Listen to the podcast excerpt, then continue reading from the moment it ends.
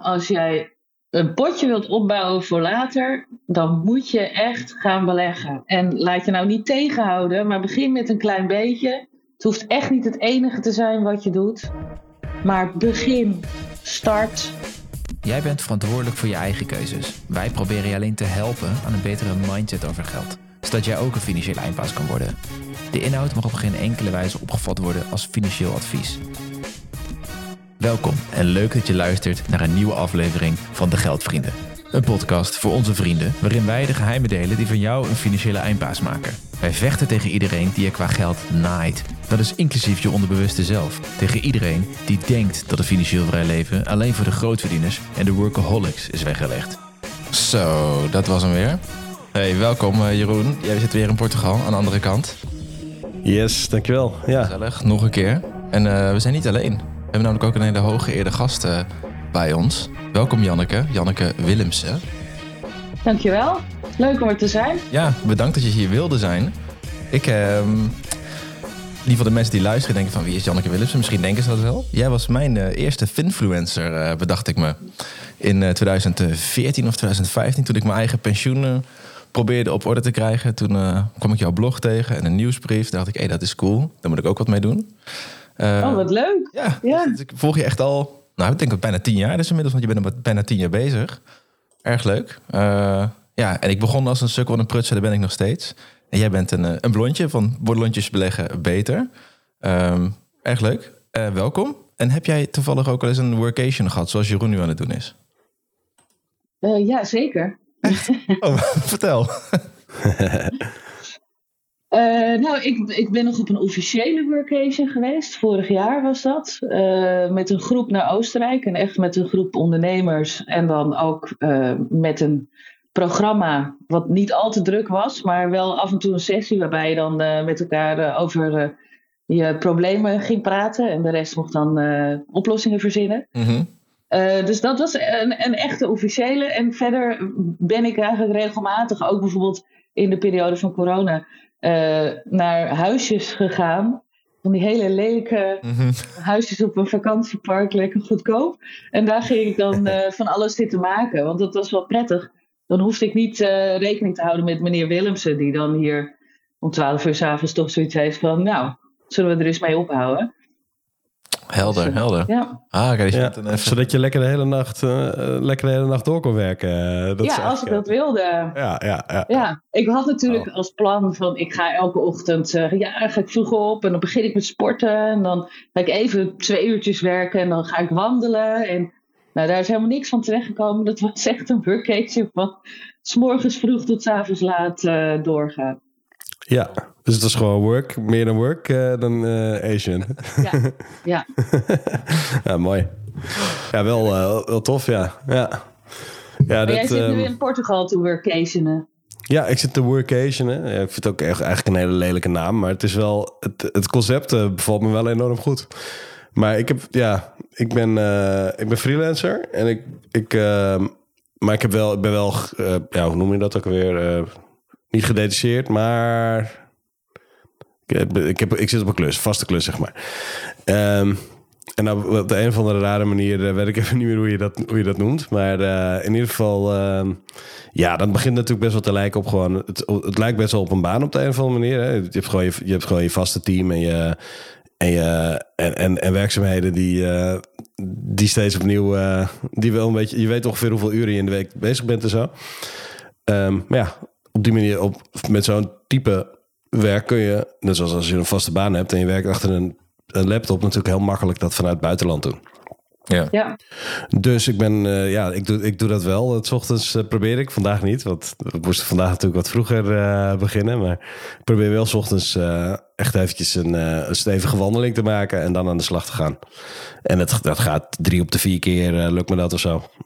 Ja, dat is echt wel, dat is echt wel een hele lekkere. Ja, precies. En, en ook wat minder werken. Ik doe één dag minder dan anders. Lekker hoor. Ja, ja, zeker. En dat verdeel je, als je dat dan over vijf dagen verdeelt, nou ja, dan, dan heb, je, heb je natuurlijk wat uurtjes over. En dan kun je s ochtends wat ietsjes later beginnen dan anders. En smiddag ietsjes, later, ietsjes vroeger klaar zijn. En dan, heb je, dan kan je nog goed gebruik maken van, uh, van zo'n uh, mooie omgeving. Lekker man. Dus ja, even de winter aan het afsnijden hier. Dat doe je goed. Ja. Jeroen, jij kende blondjes beleggen beter ook al langer? Zeker. Nou ja, ik ken Janneke op uh, meerdere manieren uh, al langer dan dat. Want, want we hebben ook wel eens uh, op een borrel van uh, F1 Active Hedge samengestaan. Ik weet niet of je dat nog herinnert. En... Um... Nou, ik heb daar niet echt een actieve herinnering aan. Nee, nou, dat, dat, was, dat was de goede borrel. Nee, dat is ook al best wel lang geleden. En daarbij, daarbij was jij natuurlijk presentator van het beurspel van, van ING. Of RTL Z in beginsel. En daar was ik, was ik moderator in de beursvloer. Net zoals Bart Peters, die, in, die dan in, jouw uitzending was. Dus uh, we waren best ja. wel. Ja, we, we, waren niet direct in contact met elkaar, maar we zaten best wel, best wel in hetzelfde hoekje te werken toen. Ja, nu komt het wel weer terug. Trouwens, je gezicht kwam me wel bekend voor, maar ik kon alleen niet, nou ja, plaatsen. Ja, nou ja. Tada! nou ja, Bart ken je natuurlijk wel, uh, wel goed, denk ik. En, en uh, ja, ja, dat was gewoon mijn collega en ook uh, eigenaar van het bedrijf waar ik voor werkte. Dus dus ja, het was altijd wel leuk. Het was super gaaf om mee te mogen werken aan het beurspel uh, toen de tijd. Lekker veel over turbo's en sprinters praten. Dat is misschien precies waarvan we nu zeggen... dat moet je eigenlijk niet doen als belegger. Maar ja. ik weet wel wat... Ik weet in ieder geval wel de dynamiek van het hele spelletje heel goed. En ik, ik, ja, dat actieve beleggen, dat heb ik van heel dichtbij meegemaakt. En jij volgens mij ook. Dus ja, je weet de voor's en tegens net zo goed als ik, denk ik. Ja. Zeker. Maar, maar voordat we de dit induiken, laten we...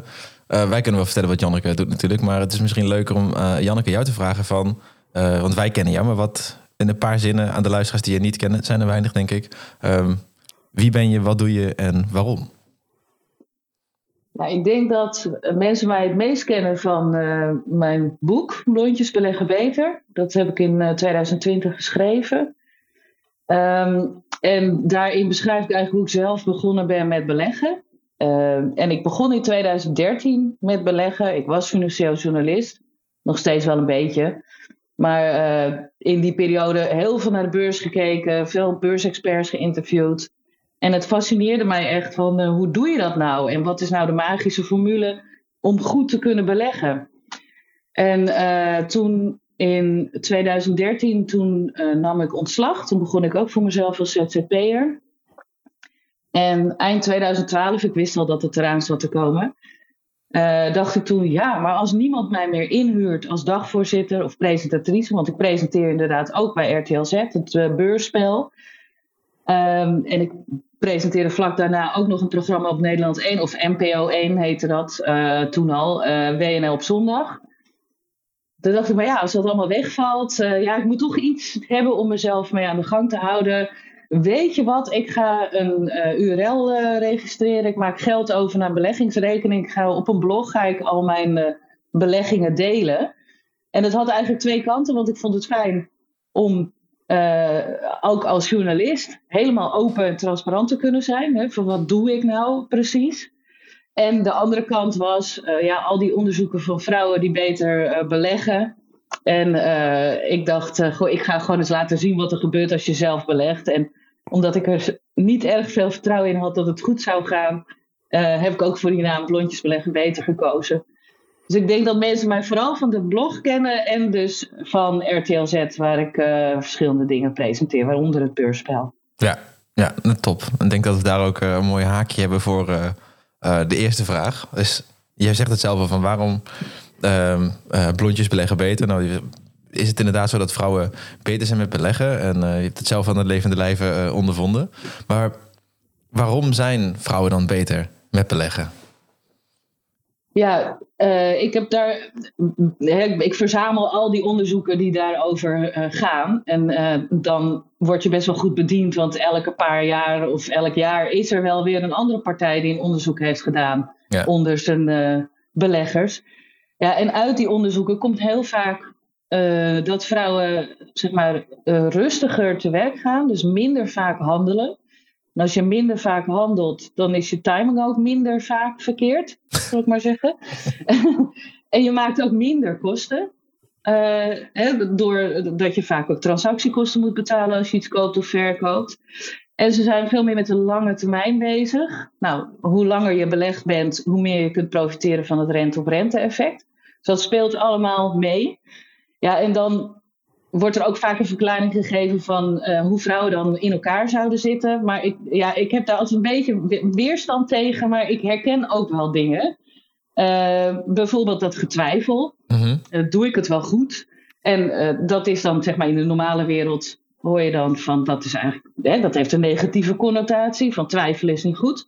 Maar bij beleggen betekent het juist dat vrouwen nog meer onderzoek gaan doen, nog beter nadenken, beter hun huiswerk doen en dan pas een beslissing nemen. Ja, dat blijkt gewoon heel vaak uh, goed uit te pakken. De andere kant daarvan is natuurlijk wel dat vrouwen ook zo lang kunnen twijfelen. Ik ken trouwens ook mannen die dat doen hoor, maar uh, dat ze zo lang zitten te twijfelen, ook bijvoorbeeld over, ja, maar waar moet ik dan een beleggingsrekening openen? Dat ze nooit beginnen. Ja. Dat is dan weer ietsje minder handig. Ja. Uh, dus ja, dat leidt er ook toe dat er veel minder vrouwen nog altijd beleggen dan, uh, dan mannen. Maar uh, we komen eraan. We komen eraan. Oh, leuk. ja, ik vind het wel grappig dat die, die, die vergelijking met dat, dat het dan mannen- en vrouwengedrag is.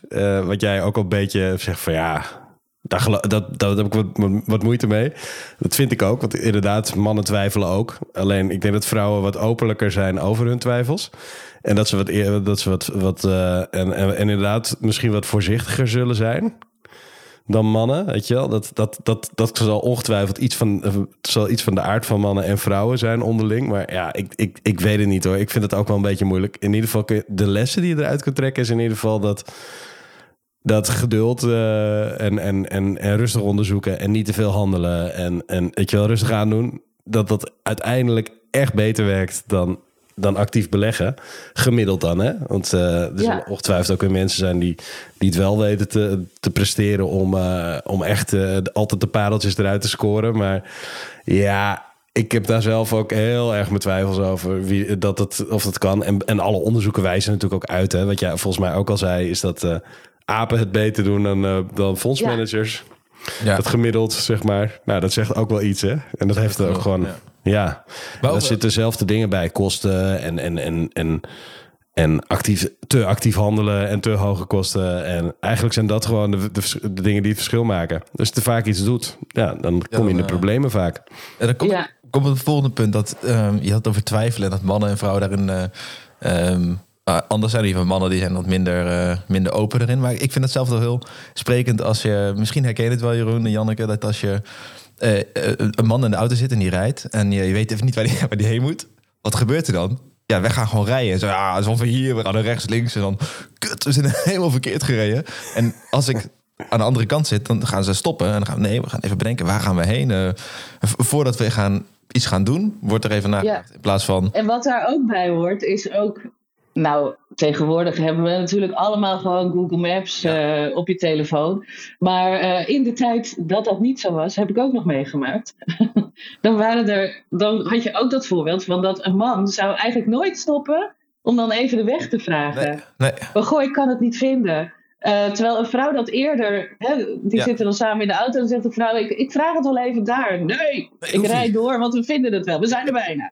Ja, Toch raar, hè? Ja. Ja, we moeten even oppassen dat we, niet te, te- dat we wel een beetje woke blijven. Hè? Want er zijn natuurlijk allemaal eh, agendas die er tussenin eh, vallen. Maar ik denk dat als je het op een grote hoop gooit... dat dit toch wel herkenbaar is voor, eh, voor mensen. Mag Ja, het is wel stereotype hier en daar natuurlijk. Dat is eh, absoluut het is waar. totaal stereotype. Daarom heb ik het natuurlijk ook blondjes beleggen beter heel genoemd. goed, hè. Juist om ook, eh, niet iedereen begrijpt die grap, maar het was bedoeld als grap.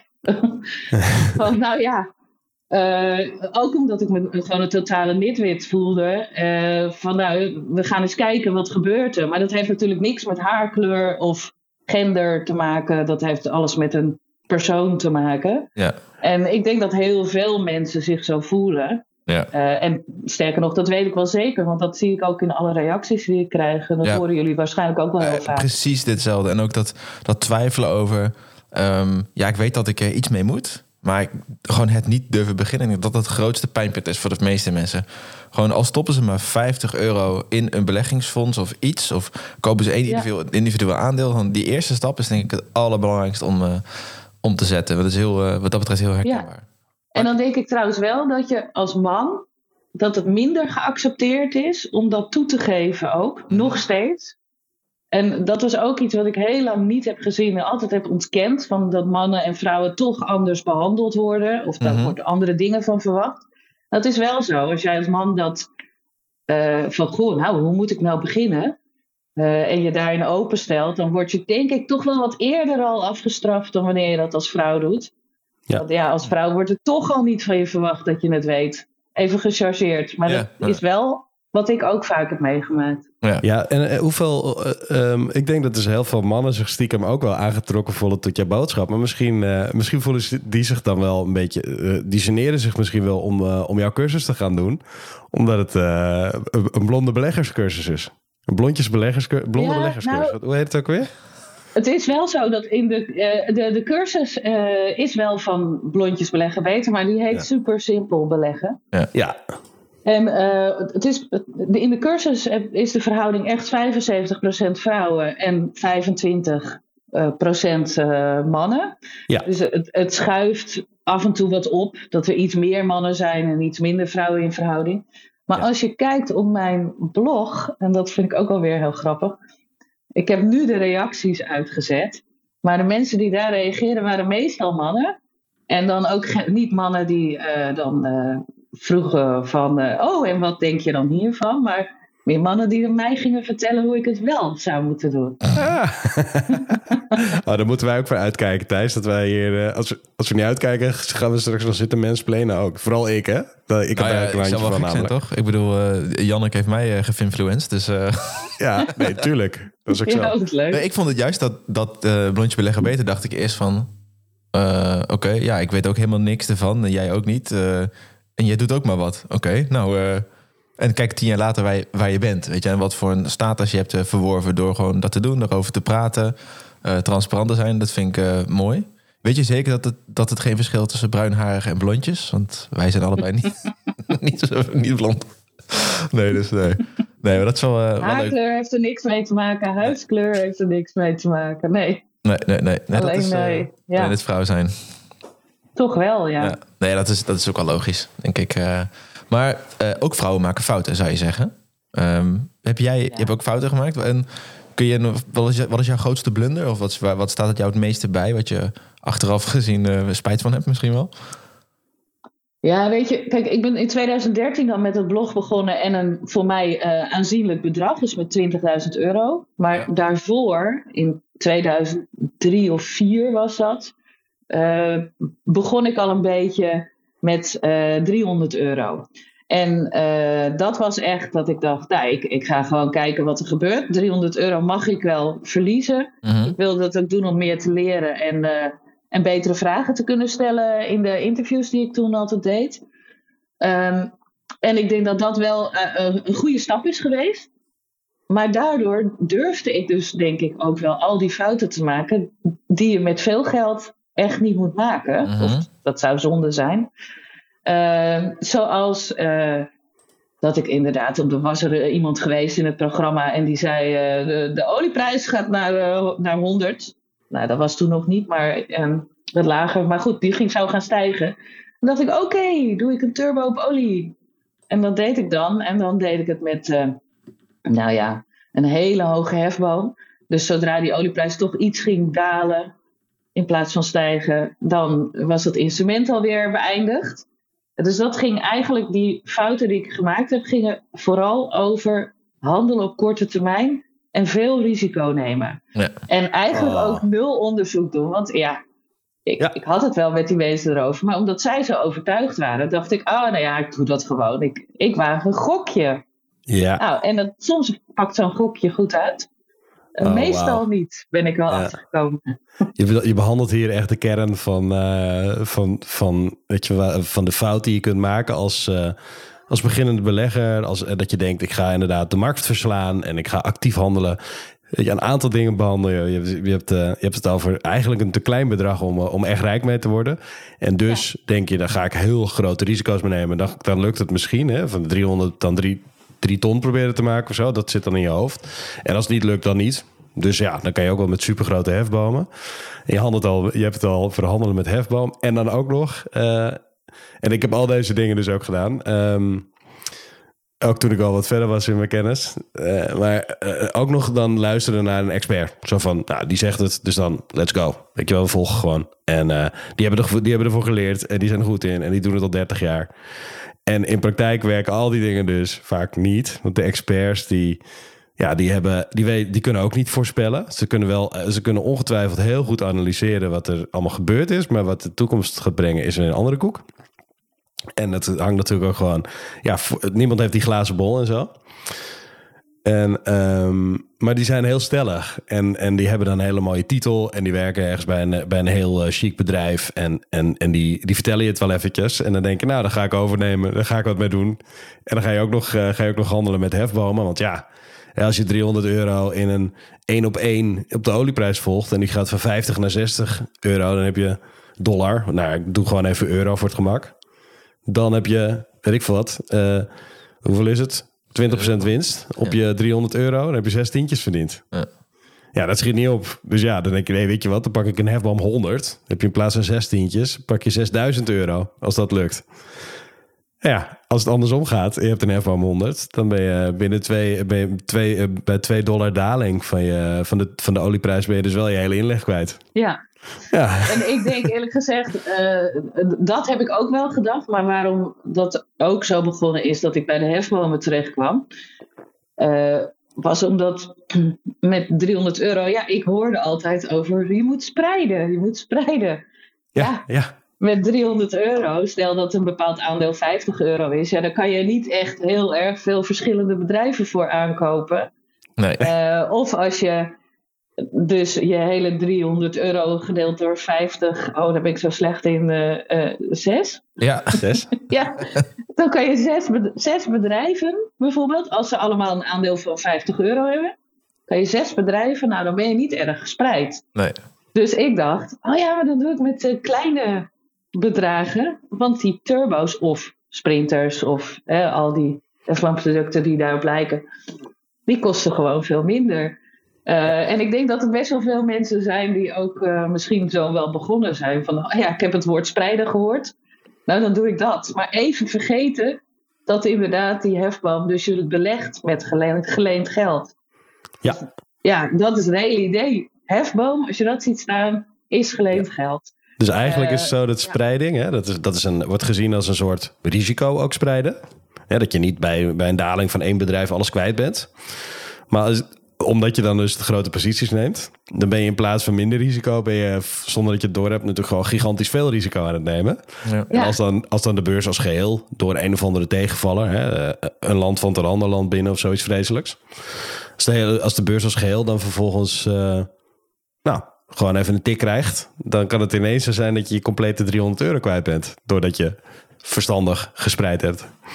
Weet je wel, dat soort, dus dat soort dingen die leer je dus door het gewoon een keer te doen. En ja. Ehm, ja, en wij proberen dus wij proberen dus een beetje over te brengen dat de fouten die wij hebben gemaakt in het verleden ooit en de dingen die we geleerd hebben die je wel zou moeten doen, ja, die, dat proberen wij over te brengen. En volgens mij doe jij hetzelfde. Je, weet, je weet hoe het moet en hoe het niet moet, ook vooral. En dat is, uh, ja, het is allebei goed om te weten. Want ik kan ook nog wel één uh, korte andere fout aangeven. Mm dat is dat ik er al vrij vroeg. Nou, er kwam altijd iemand bij mijn programma en uh, die wist heel veel van opties. En die had altijd als, optie, uh, als tip een optieconstructie. Uh, nou, bij een optie betaal je natuurlijk ook een fractie van wat het aandeel zelf waard is. en dan moet je ook nog de goede kant op zitten. En dan heb je bij een optie ook nog, dat wist ik, want had hij mij wel duizend keer uitgelegd uh, tijdswaarde. Dus uh, zodra die afloopt, uh, meestal de derde vrijdag van de maand, dan verdwijnt eigenlijk alle waarde uit dat ding. Of dat kan. En nou ja. Dus er zijn meerdere factoren die invloed hebben op de prijs daarvan. En toen dacht ik, oh ja, ja ik, ga die, ik ga die optieconstructie doen. Dan ga ik langlopend, want dan heb ik niet zo met die tijdswaarde te maken. En toen ging ik dat kopen. En ik druk op koop en ik heb dat ding en ik zie hem in mijn scherm staan. En ik zie zo de waarde, die hele prijs, zie ik zo van boven naar beneden zo. en er was niks meer van over. Wat? oh ja. En toen bleek dat ik had heel goed nagedacht. Ik zeg dat het maart was van dit jaar. En ik dacht, uh, ik uh, koop hem dan met expiratie op maart volgend jaar. En toen had ik toch eentje gekocht met de afloopdatum over een week. Oh, wat vreselijk. ja. ja, dus dat vind ik dus... Ja, het is misschien een lange, ingewikkelde eigenlijk fout. Dit bedenk ik nu. Maar waar het om gaat is... Dan heb je dus van tevoren heel goed nagedacht. En dan moet je nog even je order invoeren. En dan doe je opeens het verkeerde. Want dan ben je toch of te gehaast. Je hebt je order niet goed gecontroleerd. Ja, dat zijn dingen, dat, dat, heb ik toen wel geleerd. En daar ben ik ook blij om. Want als ik dat nooit had gedaan, had ik had nooit geweten hoe het was om een order in te leggen. Om iets te kopen of te verkopen op de beurs. En, en nu uh, check ik toch altijd even van wat was ik hier ook alweer aan het doen. En heb ik uh, het juiste gekocht. En overigens opties, daar blijf ik tegenwoordig ver van. Uh, want dat kan ik gewoon echt niet. Ja, ik ook hoor. Ik heb er nooit iets mee gedaan. Dat uh, abracadabra, het meeste. Uiteindelijk. Dat is ook onzinnig.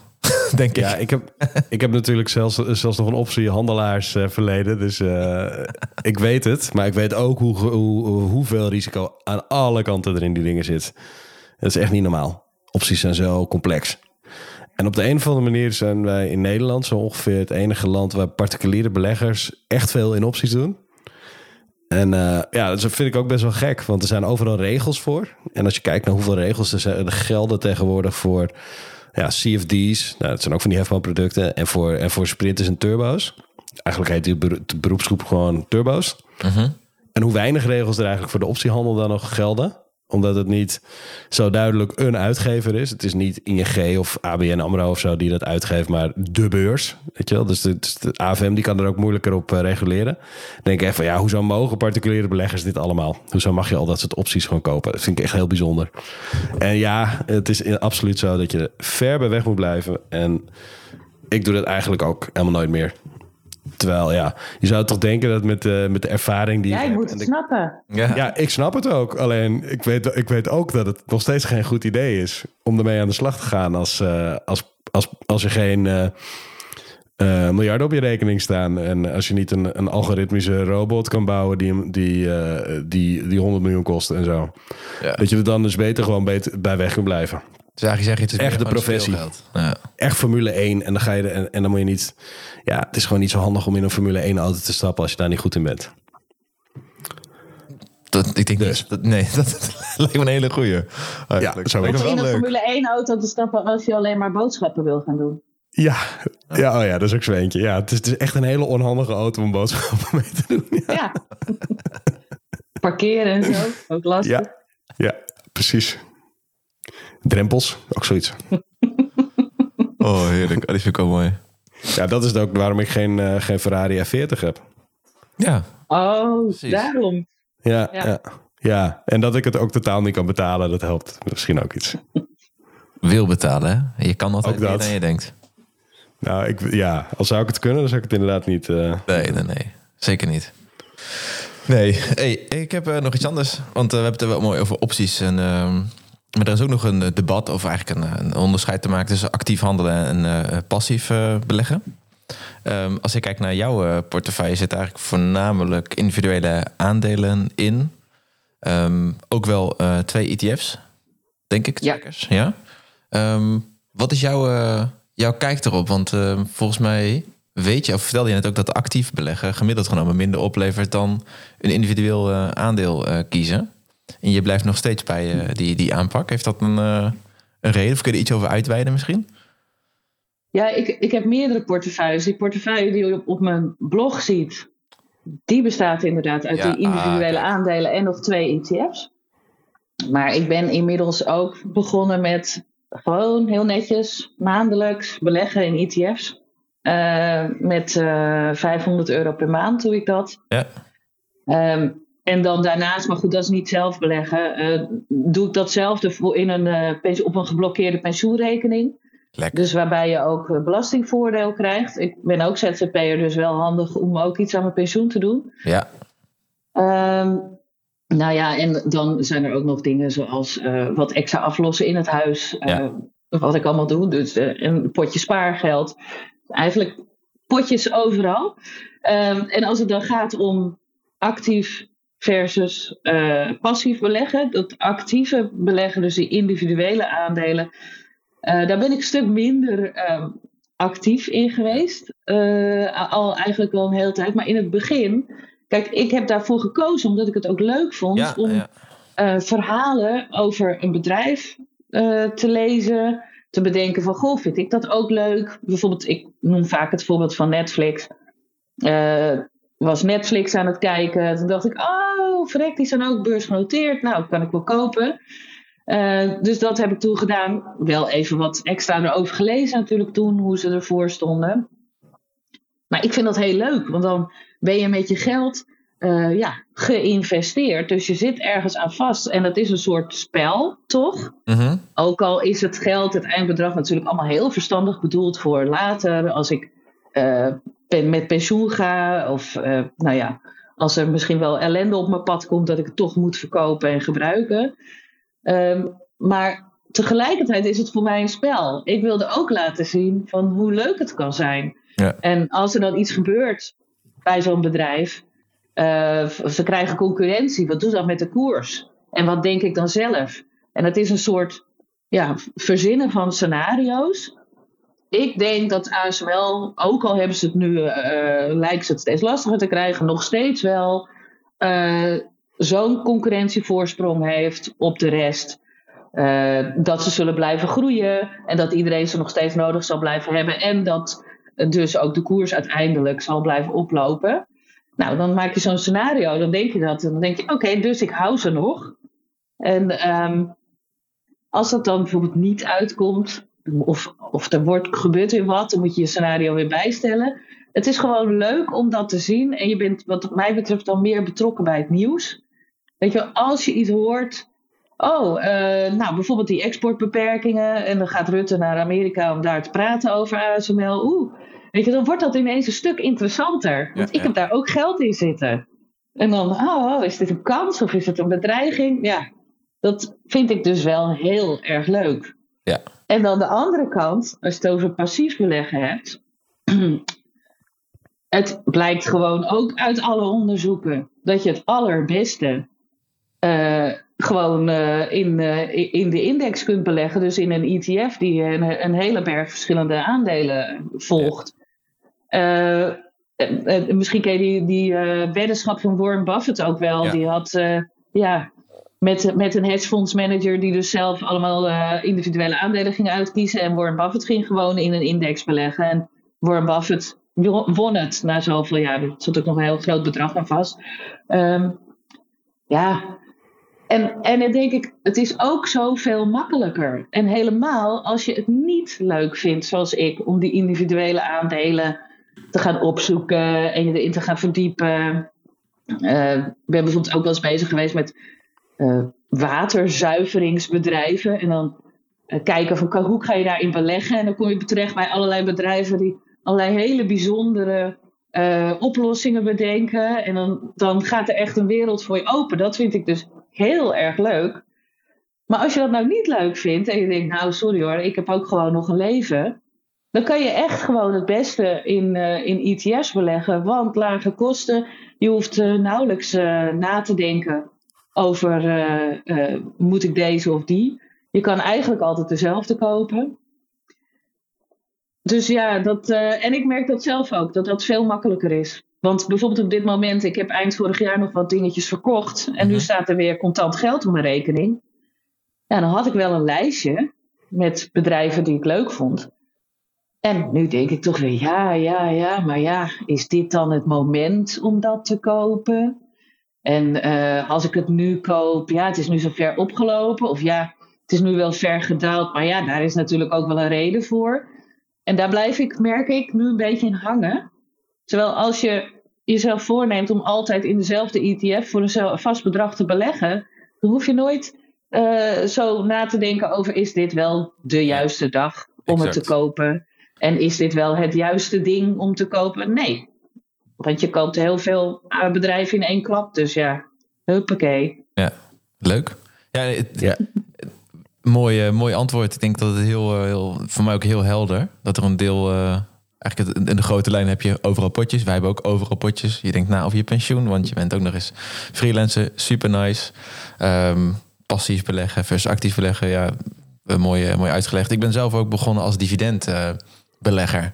dus ik ben eh, mijn eerste jaren waren vrijwel uitsluitend eh, ja, de grote bedrijven. hè, De, de AT&T en de, de, zelfs nog de Marlboro, de Altra groep die erboven hangt. En dat ik dat ook leuk vond. En ik dacht, ja, dan eh, als je dan ook maar in genoeg sectoren zit, dan spreid je ook genoeg. En er was zo'n kerel of iemand die zegt: Ja, eigenlijk heb je maar, wat is het, Jeroen, wat 20 bedrijven of zo nodig om gespreid genoeg Ja. te zitten. Zoiets 25, weet ik het. Dus toen Ik dacht kan ik, beter aan Janneke vragen, denk ik. Ja, nu zei dat beter. ja, zo, zoiets. En toen dacht ik, ga ik dat doen? Ehm, Ja. Maar uiteindelijk vond ik het, wat je zegt, toch te stressvol om te zeggen, wat, wat ga ik nu kopen? Want ik wilde elke maand iets, eh, iets inleggen. Toen had ik nog geen kinderen en hadden we een kleine huis. En had ik nog heel veel meer geld wat erin ging elke maand. en dat had ik best wel stress. En toen ben ik heel snel, denk na een jaar of drie of zo overgestapt op de, gewoon de S&P 500. Heb ik er gewoon eh, erin geknald. En dat heb ik denk ik een jaar of vier geleden, drie geleden, gewoon allemaal, echt al die individuele aandelen in één dag gewoon eh, handmatig al die orders ingevuld. En eh, had ik allemaal cash op mijn rekening. En dat heb allemaal in die S&P gestopt, niet gekeken naar de koers. En sindsdien zelfs overgestapt naar een eh, andere partij die het... Eigenlijk automatisch incasseert van mijn rekening en dan gaat inleggen. Dus ik heb helemaal geen handmatige Ja, handelingen. meer. ideaal. Het is, Want dat eh, soort partijen zijn er inderdaad ook. En daar krijg ik ook heel vaak vragen over. Ja, Eh, van wat vind je van die partij? ja, Ja, die zijn dan vaak iets goedkoper. eh, sorry, iets duurder. net ietsje duurder. Ja. Ietsje duurder, maar het gemak wat daar tegenover staat. Kijk, ik vind bij heel veel mensen, merk ik dat het echt, dan, die draaien zich dan helemaal vast. In welke broker, welke beleggingsrekening is het goedkoopste? Want ze hebben geleerd, je moet ook op de kosten letten. Ja, En dat is ook zo. Dat schrijf ik ook in mijn boek. En weet je, ik zie ook heel veel mensen daar ook over delen. Van het effect van kosten op lange termijn. Is natuurlijk net zo'n eh, sneeuwbaleffect als eh, rendement op rendement. ja, ja. Alleen dan de verkeerde kant op. Dus een soort lawine. Ja. Die steeds maar groter wordt en een enorme hap uit je rendement heeft. Alleen, als jij nou ietsje meer kosten maakt.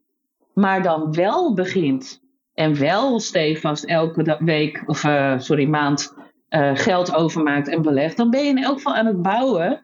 Dan heb je toch meer opbrengst dan wanneer je niet begint en maar blijft te zeuren en piepen over eh, die paar cent verschil. En weer vergeet in te loggen en weer niks koopt en nooit belegd raakt. Ja, ja eens. En, en wat, ik, wat ik hier ook eh, eh, tussen de regels door hoor, of, en, maar niet per se genoemd is, is dat is iets wat ik eh, laatst ook weer achter kwam. Ik doe het dus wel zelf. Want ik, ja, ik vind toch, ik vind mezelf toch gewoon, hè, ik ben gewoon, ik doe het zelf. Want ja, met mijn verleden dan hoor ik dat te doen. Wat Ja. ook een beetje onzin is hoor, want ik zou die tijd ook gewoon kunnen besparen. Maar dan heb ik dus een, eh, heb ik dus een van de goedkope brokers. En, eh, en daar ga ik. eh, en dan, dan neem ik mij voor. Van, nou ja, ik heb ook een wat wisselender inkomen. Dat zou jij ook herkennen, Janneke. Ehm, als, eh als ZZP'er, freelancer. Als je wat meer klus hebt, dan heb je wat meer. En dan, eh, als je een keer op vakantie gaat, heb je gelijk niks. Eh, want ja, dat, dat hoort nou helemaal zo. Dat werkt nou helemaal zo. En, maar ik, heb, ik had dus op een gegeven moment... Ik krijg momenteel krijg ik per week... dat, heb ik dat omgekeerde factureren. Krijg per week beta- uitbetaald. Nou, dan denk ik, ja... Dan, heb ik, dan wou ik, dacht ik, weet je wat, dan pak ik daar een deel van per week om te gaan beleggen. Even vergeten dat eh, het gratis is om ETF's te kopen Eén keer per maand. van de huisselectie. Precies, maar één keer per maand. Dus als je op de Ja. elfde van de ene maand eh, iets koopt en je, en je kiest ervoor om de volgende maand, bijvoorbeeld op de tweede van de maand, het opnieuw te doen. Dat je denkt, nou, er zit een maand tussen. Het is niet meer eh, februari, maar het is maart inmiddels. Ik koop weer wat. Dan ben je dus minder dan één maand later opnieuw eh, een ETF aan het kopen. En dan staat er opeens, staan er opeens weer 3 euro transactiekosten op je rekening. Ja, dan, Als je dat, als het minder is dan 1000 euro of zo. Hè? En als het dezelfde ticker is. Eh, ja, precies. Maar je hebt meestal dezelfde. Maar dat soort dingen, diezelfde ticker, hetzelfde, allemaal van dat soort regeltjes. Het is heel makkelijk. Dus ook gewoon voor, voor deze ervaren belegger eh, gebeurt het ook gewoon. Toen dacht ik ook, ga over op per week. En toen, toen zag ik dat die kosten terugkomen op mijn rekening. Van, ah, verdomme, heb ik betaald voor niks. Weet je wel. En, Maar weet je wat ik wel het zijn maar weinig kosten. Maar eh, verhoudingsgewijs was het dan wel weer een dingetje. Weet je wel. En zo blijf je, zo, zo heb je allemaal van die kleine valkuiltjes. Die, je ook, die iedere belegger heeft, die, die je ook voorkomt als je het gewoon laat doen. En dan weet je van tevoren wat het je kost. En uiteindelijk zal het echt niet zoveel schelen ook hoor. Nee, en wat ik grappig vind is het voorbeeld wat je noemt. Uh, mensen denken dan dat dat een grote ramp is. Om een keer een foutje te maken en 3 euro transactiekosten te veel te betalen. Want ja, het was gratis, nu heb ik één keer 3 euro. Daar leer je van. Want dan denk je, huh? Ik heb dit gekocht. Hoe kan het nou dat ik nu ineens toch die transactiekosten betaal? Ja, uh, dan ga je even in de voorwaarden zoeken. Of uh, je hebt contact met de klantenservice, die leggen het je dan uit. Laatste keer dat je die fout gemaakt hebt. Is toch leuk? Ja, ik bedoel, het hoeft voor mij niet allemaal geld te kosten hoor, dat niet. Maar het is toch leuk dat je dan uh, daar ook weer achter komt. Dat ook weer weet, volgende keer doe je het niet meer. Ja, Zeker. ook weer opgelost. Ja, maar ik heb ook het idee dat mensen vaak denken van, uh, ik mag nul fouten maken hierin. Dat is natuurlijk niet zo. Iedereen prutst maar wat aan. Ja, daarom zijn wij natuurlijk ook uh, die sukkel en prut. De eerste aflevering die we ooit gemaakt hebben was... wij zijn ook sukkel, sukkels en prutsers. En, um, en dat is ook echt zo. Je moet gewoon accepteren dat je gewoon wel eens fouten maakt in het leven. En hoeft, dat, dat, dat moet je niet verlammen. En uh, als je er dan inderdaad, maar gewoon van leert als je een fout maakt. En dan doe je dan, ga je, en dat je dan niet denkt, huh? oh, het blijkt toch 3 euro te kosten. Nee, dan ga je uitzoeken waar die 3 euro vandaan komt. Nou, dat is best wel menselijk. Dat doet bijna iedereen wel. En dan leer je daar dus van, ja, dat is prima. Is ook, is ook helemaal waar hoor. Maar um, ja, ik wil alleen wel zeggen dat, dat, dat, je, dat het echt heel makkelijk is om toch wat meer kosten te maken dan je, dan je denkt te gaan maken. En dat er achteraf, dat er ook weer bijvoorbeeld een aansluitingsfee kan gelden voor een beurs ergens op een, aan de andere kant van de wereld. En er zijn allerlei van die kleine beetjes kosten die er uiteindelijk voor zorgen dat je misschien in plaats van 0,3% aan het einde van het jaar wel 0,5% betaalt betaalt. En of je nou 0,3 of 0,5 maakt in totaal, dat maakt wel uit. Maar ook weer niet, het is ook weer niet de wereld. Het is wel een wereld van verschil als je anderhalf procent betaalt in plaats van een half. Dat scheelt wel echt. Ja, exact. Ja. En ik vind dan ook van, uh, natuurlijk maakt dat verschil. Maar ik vind wel als je door iets meer kosten te maken en het uit te besteden, al dat gemak krijgt. En je begint dan wel. Dan doe dat dan gewoon. In plaats van. Uh, ja. Dat is onbetaalbaar, denk ik. Ja. ja. ja. Oh, en nog eentje. Je vergeet, uh, je, wordt dus ook door het een ander te laten doen, word je ook niet getriggerd om toch wat, uh, om toch wat creatief te worden met uh, je beleggingen. Dat je denkt, oh ja, ik ga toch eens wat anders proberen. En, en ik, ik heb iets gelezen. En dan ga je toch, als, als je niet uitkijkt, ben je toch wel weer snel weer singles. Ja, we noemen het stockpicking. Je ja. toch weer bepaalde, bepaalde uh, krenten uit de pap proberen te scoren. Heb je toch in één keer Dyson gekocht omdat je denkt... oh, Dyson, dat is die accumaker van, uh, van de stofzuigers. Misschien gaat die wel een elektrische auto bouwen. ja, ja, nou ja, zulks. Ja, ja, ja, Hebben jullie dat gedaan? Nee, nee, maar dat is wat ik dan... Uh, uh, de, die gedachtegang zou, heb ik een keer gehad. dacht ik van, oh, Dyson, dat zou best wel als een... nou ja, een route kunnen zijn van die kan dan in de andere sector stappen... en dan samen met Apple een auto bouwen en zo. En echt, het, dat werkt natuurlijk. Dat, is, dat is gewoon je was wat vroeg, zal ik maar zeggen. Ja. Met dat idee. Ja. En dat, ja, als je in mijn portefeuille kijkt... Dan... Nee. In mijn portefeuille vind je een paar fondsjes, een paar losse aandelen.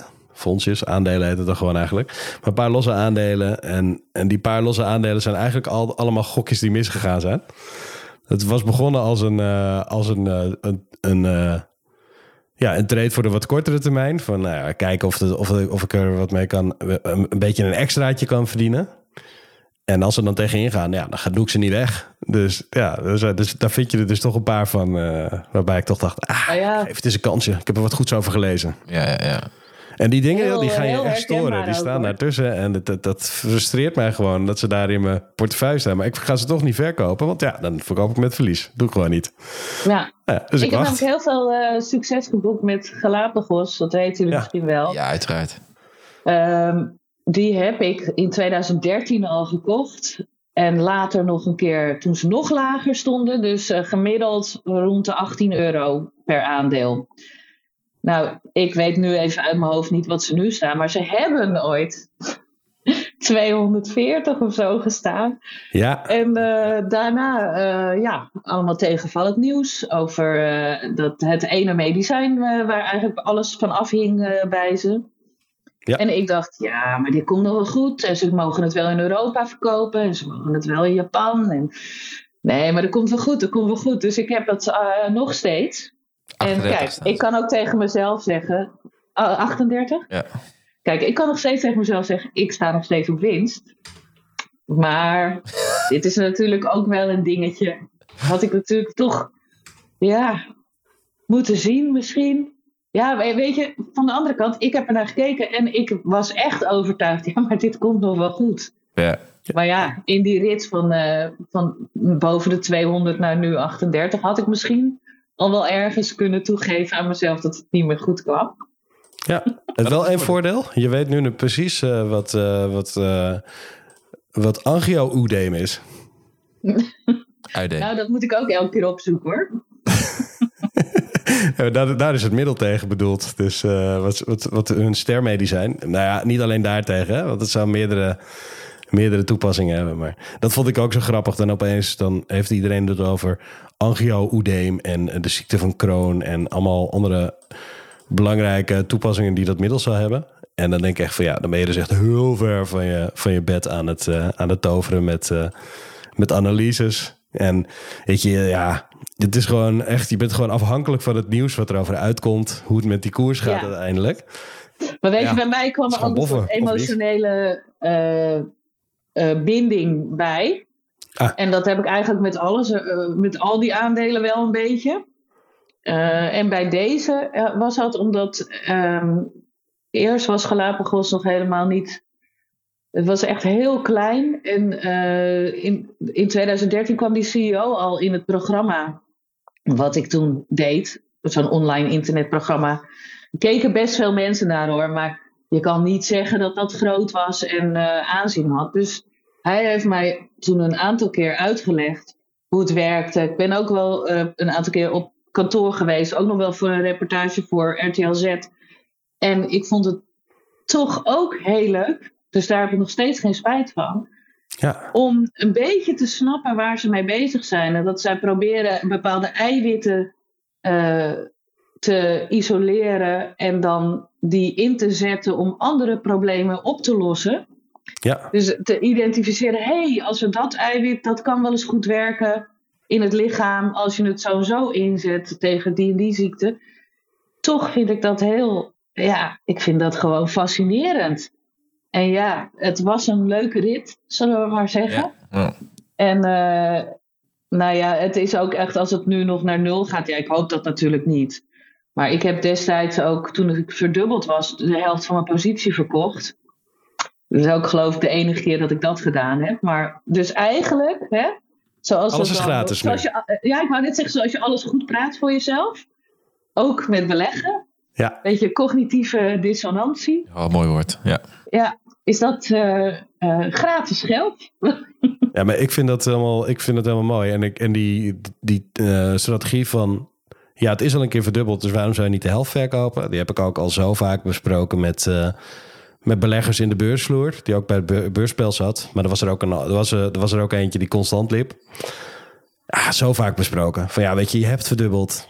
Je twijfelt, moet ik het wegdoen, moet ik het niet wegdoen? Waarom zou je niet de helft wegdoen? Dan heb je gewoon je geld eruit en dan kun je de rest laten lopen. En dat kun je dan voor eeuwig blijven doen. Is dat er nooit meer een cent aan verliezen. En het is allemaal ook eigenlijk gewoon uh, mental accounting, zoals, uh, zoals dat mooi heet. Je, je vertelt jezelf een verhaal waardoor je erin kunt blijven geloven. Ja. En ja, dat is prima, weet je. Ik bedoel, uh, maar uiteindelijk heb, heb, jij dat nu ook. Het geeft je toch de rust van, ja, weet je, oké, okay, ik heb uh, hoge dalen, hoge pieken gezien en, en, en nu weer een soort dal.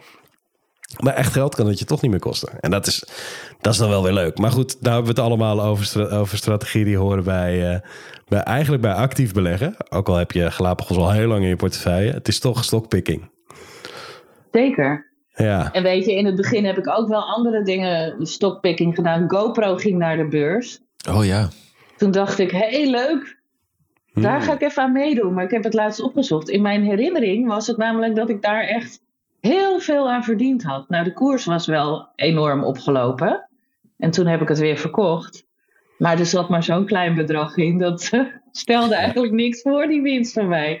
Maar Ja, het wordt ook steeds relatiever, hè? Als je met 5000 euro belegt en je verdient er eh 500, dan is dat heel veel. Maar als je op een gegeven moment zo'n portefeuille hebt zoals jij nu, die rond de, wat is het, 65.000 staat? Ja, nu 65. Het was eh, helaas, het was eh, eind 2021 nog 75. Ja. nou ja. Ja. Als, je het, eh, als dat eh, ja, met de bedragen waarmee je begonnen bent, is het natuurlijk nog steeds een fantastisch rendement. Dus eh, Ja, helemaal eens. ja, Ik ben er ook heel blij mee hoor.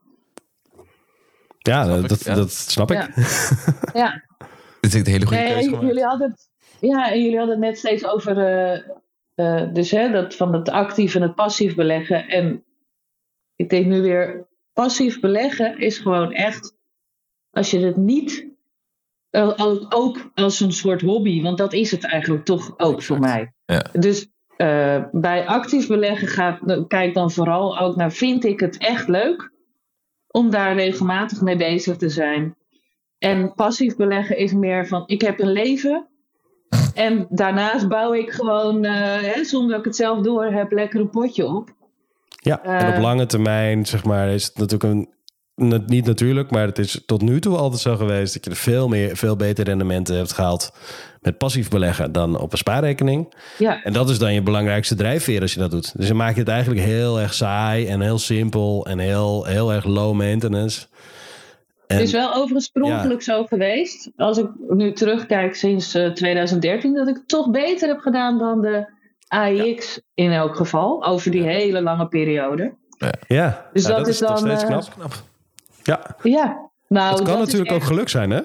Ik wou om- net zeggen, zonder dat jou, is eh, echt ja. toeval. Dat is echt toeval. Ik bedoel, Ja, denk je? Ja, zeker. Ja. Want je moet ook nooit aan eh, zelfoverschatting gaan leiden. En ik geloof er ook gewoon niet in. Het, ik bedoel, ik kan toch onmogelijk inschatten wat een bedrijf gaat doen. Ik werk niet bij zo'n bedrijf. Ik heb echt niet alle cijfers. Ik ken niet alle mensen. Ik heb geen overzicht van die markt. Afgezien van wat ik een beetje bij elkaar zit te googelen. En wat ik van analisten af en toe eh, mag lezen. Hoe kan je dan de juiste beslissing? En dat is denk ik overigens ook met alles in het leven.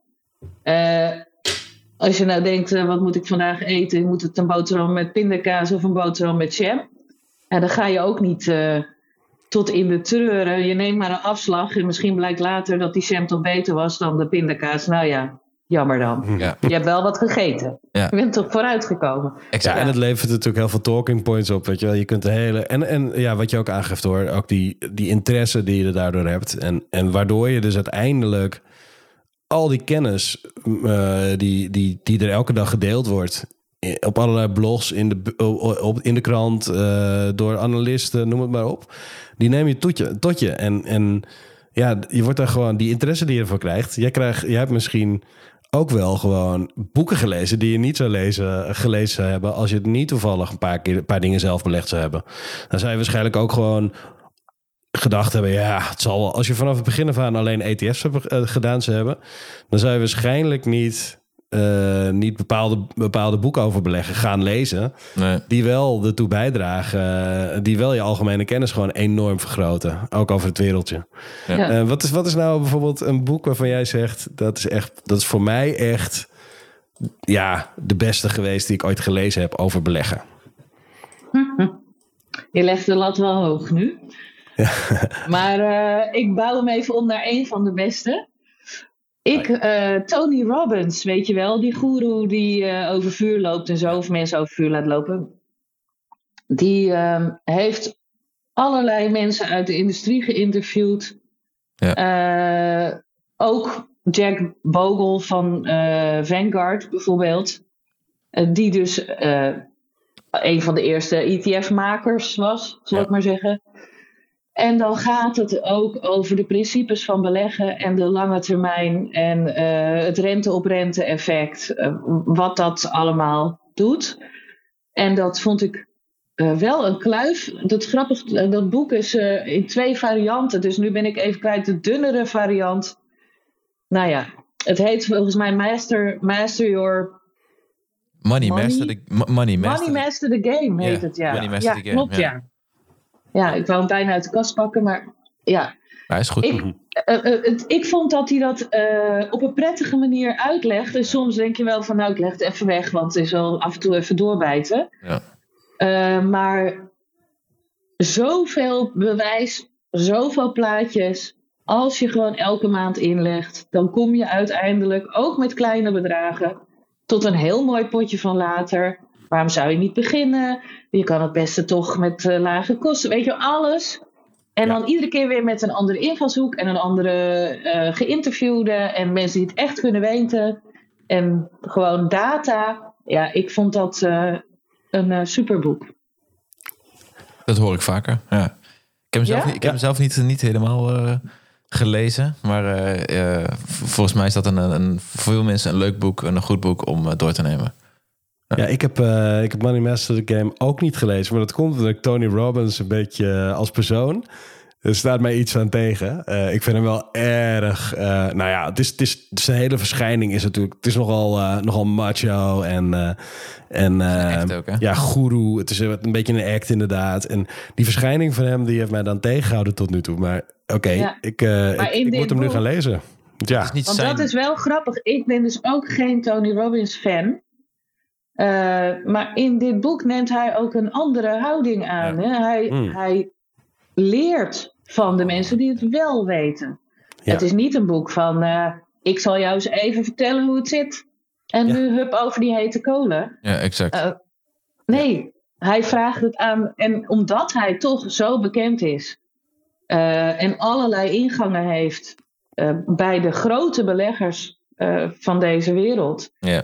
ja, is, ik vind het toch wel eh, ja, echt een aanrader. Ja. Ja, dat is, eh, dat is wel een mooi, een mooi goed onderscheid. Want die, ik denk dat, dat die associatie eh, die, die Jeroen aanhaalt bij veel mensen leeft. Eh, dit inderdaad, die insteek is hij leert van anderen. Ze heeft ook Ray Dalio en andere grootheden. eh nou ja, grootheden. Ja. Klinkt alsof ze... nou, dat, dat, zijn- dat is hij toch? Ray, Ray ja, Dalio. is wel een ja. Ja, precies. En Buffett en, eh, en nou ja, weet je, eh, Bogle. Ja, dat zijn allemaal namen. Ja, daar kan je echt wel wat van leren. Ik bedoel, die zijn niet Als je daar niks. niet iets eh, van kan leren, dan... Ja, precies. Dan je Ja, als je daar eh, niet iets heel van goed. leert. Ja, Je bent te kort, eh, gewoon eh, te koppig. Ja, maar het is mooi inderdaad als je, dat je ook een boek noemt van... Hij maakt eigenlijk dus een overzicht langs, alle, langs een hele hoop grote, eh, succesvolle... zo. Ja. grote namen. Ja, en, en mensen die natuurlijk ook. Die, die ook, ook weer hun eigen weg hebben bewandeld. En heel veel geleerd hebben over, over de loop van heel veel jaren. En, en ja, als je, de, als je daar een mooi overzicht van weet te maken. En, en, eh, en daar je bewijs uit haalt. Dan is dat natuurlijk, dat is natuurlijk wel een mooie basis. Ja, en het geeft steun. Hè? Want eh, wij praten nu over ja, ja, indexbeleggen of IT beleggen in ETF's. En doe dat dan maandelijks, want dat is echt slim. Ja, dat kun je van ons misschien wel aannemen. Ja. Maar als je dat boek leest en daar staan, ja, nou bijna de popsterren van de beleggerswereld Ja, dan, Hè? die staan daarin. Of zijn in elk geval heel erg bekend. Eh, ja, dat geeft je een soort backup. Dat je denkt, oh ja, oh, dus die zegt het ook. En die doet dan net even vanuit een andere invalshoek. Ja, ja, supergoed. Kan je misschien net dat setje geven. En overigens, eh, nog weer even terug naar kiezen tussen eh, indexbeleggen of individueel. Ik ben ook een enorme fan van het allebei doen. Hè? Dus Mhm. Ja, dat blijkt. Eh, hè, dat, eh, jouw portfolio ja. is allebei. Ja. ja, Kan heel goed naast elkaar bestaan, denk ik. ja. Dat is ook heel goed. Als je Maar dus veel mensen blokkeren ook altijd eh, in dat binaire denken. Ik Ja. moet of maandelijks in ETF's, of Mm. jaarlijks, wat- dan ook. En dan mag, mag ik geen individuele aandelen aanraken. En ik mag niet eh, spelen met opties of met turbo's als je dat zou willen. Ja. Terwijl ik denk dan van doe nou allebei. En het liefst dan het grootste, versta- meest verstandige deel gewoon in ETF's. Ja. En dan hou je daarnaast een potje speelgeld en daar kan je dan lekker mee eh, bij- ja, klooien. Ja, lekker ja, fout- ja lekker zo kan je ook bijvoorbeeld eh, klooien met als je dat leuk vindt. Wat heel veel jongere mensen natuurlijk doen. En wat, ik, eh, wat Thijs en ik ook allebei gedaan hebben. Oh, nee. prutsen met crypto's. Oh nee. Dat is ook zo eentje. Ja? Ja, Ja. maar als je met, als je met als je 95% van je, van je vermogen of van hetgene wat je, wat je opzij zet, laten we het nog niet vermogen noemen bij iedereen, maar 95% van hetgene van je savings rate, hetgene wat je maandelijks overhoudt, stopt gewoon in ETF's en, en, en misschien of, of dat je 85 en 10% in aandelen en of obligaties die je zelf uitkiest. Prima. En dan heb je nog 5% over. En daar ga je dan mee handelen in, in hefboomproducten. Of je, of je kiest, kiest ervoor om, eh, om crypto's eh, te kopen. Dan zeg ik wel altijd, met die 5% moet je dan echt heel serieus aan de slag gaan. Want anders is het ook niet leuk. Je moet wel proberen om dat eh, daadwerkelijk een beetje te beschermen. En om daar meer van te maken. Het is niet dat je het in een week kwijt, kwijt kunt zijn. Ehm, dus daar ga je ook binnen, daarbinnen ga je dan ook weer. ga je dan ook, maar dat, dat, dat mag dan met die 5%. Want in principe, op lange termijn zul je altijd eh, gemiddeld een procent of nou, 6 tot 8, misschien wel 10, afhankelijk van, eh, van wanneer je begint misschien. Maar laten we zeggen dat 6 tot 8 procent op de hele lange termijn echt geen hele gekke aanname is. Ja, dan mag je dus best wel met die 5 procent die je, die je eh, elke maand wegzet, mag je best wel met die 5 procent meer risico nemen. Prima, weet je wel. En als je het kwijtraakt, dan heeft die, die andere 95% die rendeert gewoon lekker door. Dus dan komt het wel goed. Maar ga niet met 70% van je, geld dat, die risico's nemen en met 30% ETS doen. Dan is de kans gewoon best groot dat je uiteindelijk in de min eh, eindigt. Het gaat gewoon, ja, die kans, die, die risico's, die neem je. Dus ja, 100% mee eens. Actief beleggen mag best ook, eh, mag, mag er ook best bij horen. Voor, maar dat is wel gewoon als je het leuk vindt. Dat is gewoon, dat is voor, voor leren, voor fun. Ehm, ja, gewoon voor je nieuwsgierigheid. Lekker laten, lekker doen, weet je wel. Eh, tuurlijk. Dan gaat het misschien ook allemaal wat meer leven voor je. En als je dat niet wil, nou, dan hou je het gewoon bij saai en simpel. Ja. En dat is het belangrijkste. Het saai en simpel, Hey. dat is toch echt je basis, hè? Overigens hoeft het niet saai te zijn, hè? Maar dat denken mensen dan, want ze denken dat ze er niks over kunnen vertellen op eh, verjaardagsfeestjes. Oh ja. Maar het hoeft helemaal niet saai te zijn. Want als jij bijvoorbeeld. eh, kijk, het makkelijkste is om gewoon een wereldindex te nemen. En daar een ETF op uit te zoeken. Nou, dat kost ook wel iets van uitzoekwerk. Ehm, maar je kan ook zeggen van nou, daar doe ik dan ook weer binnen ETF's het grootste gedeelte van mijn geld in. Maar ik ben heel erg geïnteresseerd in nieuwe energie. Of waar ik het net over had, eh, waterbesparingstechnieken. Nou, als je daar dan induikt en je leest daarover, dan kom je ook terecht bij individuele bedrijven. Maar als je dan even het woordje ETF erbij intypt, of de letters, ehm, dan vind je vaak ook heel vaak weer een ETF die gespecialiseerd in zo'n sector belegt. En Ja. dan kijk je, wat zit er in die ETF? En daar zitten dan weer allemaal namen van bedrijven dat je denkt, huh, nog nooit van gehoord. Nou, dan typ je zo'n naam weer eens even in, in Google. En nou, dan ben je gewoon weer vijf uur verder. En dan heb je toch weer een leuke dag gehad. Ja, absoluut waar. Ja, zo is het ook. En, en nou ja, ja, amen. Of halleluja. Amen. Ja. Ja, ja. Dat, dat is een mooi bruggetje naar eh, misschien nog één laatste tip voordat we die podcast eh, eh, gaan, gaan afronden. Want volgens mij komt er heel wat eh, tevoorschijn eh, uit dit gesprek. Heb je nog één laatste tip die je mee wil geven aan, aan de luisteraar? Nou, mijn belangrijkste tip is echt van als jij een potje wilt opbouwen voor later, dan moet je echt gaan beleggen. En laat je nou niet tegenhouden, maar begin met een klein beetje. Het hoeft echt niet het enige te zijn wat je doet. Maar begin, start, want weet je, je kan het. Je kan het. Begin, start, je kan het. Als je het niet weet kun je ons een vraag sturen. Of Janneke natuurlijk ook. Hè? Via Twitter of eh, via blog kun je reactie achterlaten. Of niet meer tegenwoordig. Maar in ieder geval info.geldvrienden.nl kun je ons op vinden. Je kunt eh, doneren en vriend van de show worden op vriendvandeshow.nl slash geldvrienden. Het is ook leuk om Podimo even uit te proberen. Dan krijg je ook een, eh, krijgen wij ook een kleine referral als jij naar ons luistert via dat platform. Ehm, ja, en zoals altijd bedankt voor het luisteren. En tot de volgende keer. Janneke, ja, hartelijk dank eh, voor deze leuke eh, podcast. Leuke gesprekken en de mooie tips. Vond ik ook. Dankjewel. En Jeroen, jou, jou ook weer bedankt. Ja, jij ook bedankt, Thijs.